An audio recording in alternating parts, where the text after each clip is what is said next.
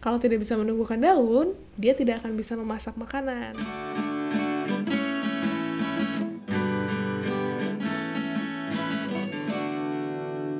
Halo teman-teman semuanya, kemarin kita sudah bahas perbedaan hidroponik versus tanah.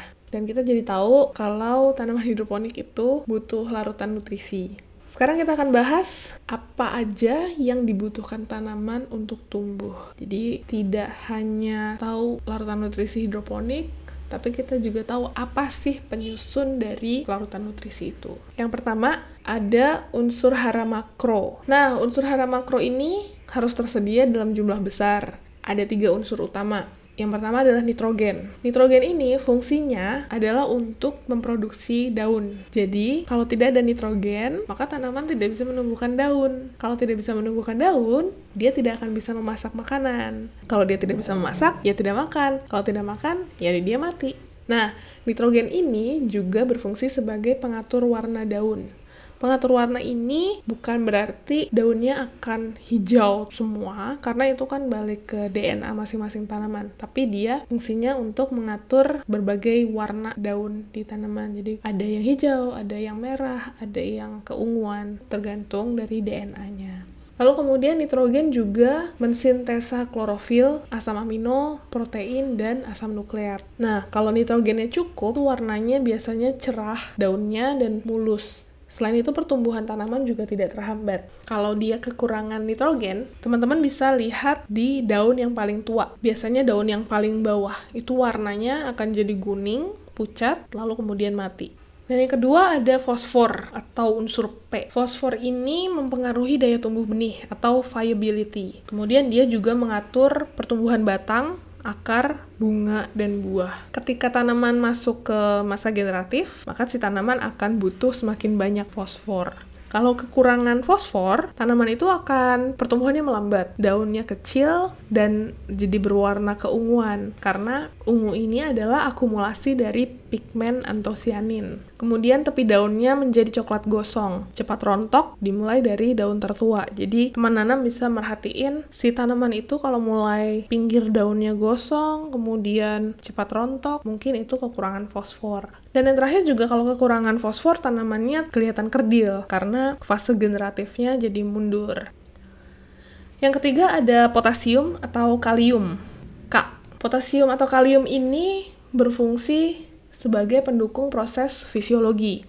Proses fisiologi tanaman itu termasuk mengatur kondisi air di dalam sel atau jaringan. Kemudian mengatur turgor atau tegangan sel.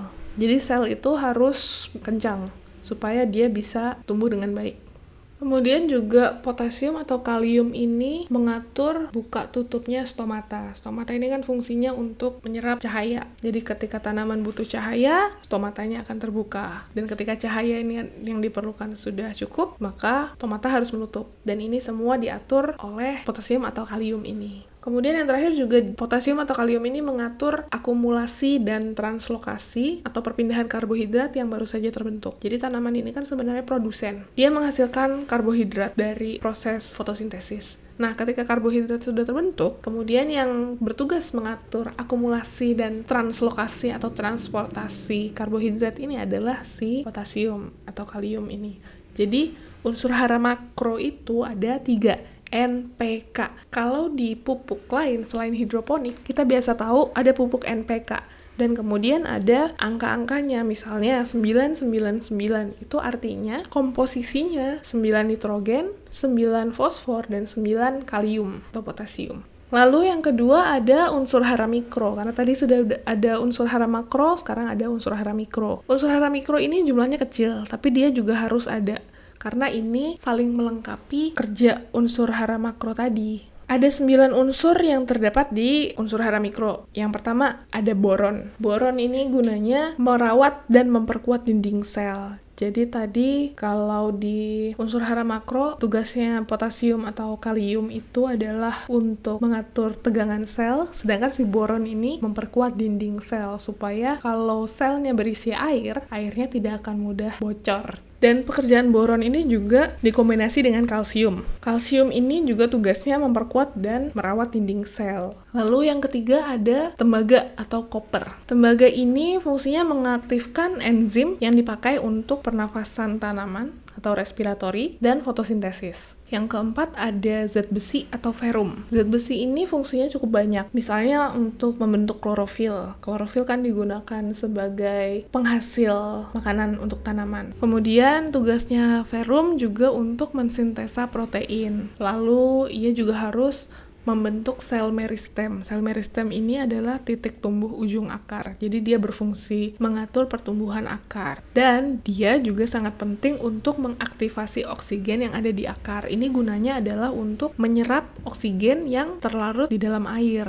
Jadi karena hidroponik menggunakan air, harus dipikirkan bagaimana akarnya mudah menyerap oksigen yang terlarut. Lalu kemudian yang kelima ada magnesium. Magnesium ini fungsinya sebagai katalisator pertumbuhan. Katalisator maksudnya adalah untuk mempercepat pertumbuhan. Lalu ia juga bertugas untuk mengubah oksigen pada proses fotosintesis. Jadi yang kita tahu kan tanaman kalau berfotosintesis menghasilkan oksigen. Nah, pada proses fotosintesis ini, yang bertugas untuk menghasilkan oksigen itu adalah juga si magnesium. Kemudian yang keenam ada sulfur atau belerang. Sulfur ini tugasnya adalah untuk mensintesa protein. Ia juga memberi aroma dan cita rasa khas, misalnya ke sawi-sawian.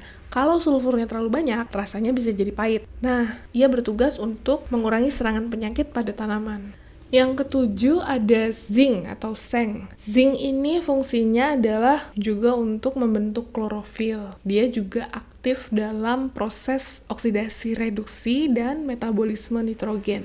Metabolisme nitrogen artinya dia membantu si tanaman untuk memproses nitrogen di tubuhnya. Lalu yang kedelapan ada mangan. Mangan ini tugasnya melengkapi pekerjaan zinc tadi. Jadi masih seputar membentuk klorofil dan proses metabolisme oksidasi reduksi. Yang terakhir ada molybdenum. Molybdenum ini tugasnya adalah mengubah nitrat menjadi amonium. Nitrat itu adalah hasil metabolisme nitrogen. Kemudian dia juga mengubah menjadi amonium. Amonium ini mungkin yang lebih mudah diserap oleh tanaman. Lalu kemudian molybdenum ini sendiri banyak dibutuhkan oleh tanaman sayuran hijau yang daun-daunan seperti sawi, bayam, kangkung, kale, dan juga kacang-kacangan. Jadi kacang-kacang polong itu butuh molybdenum.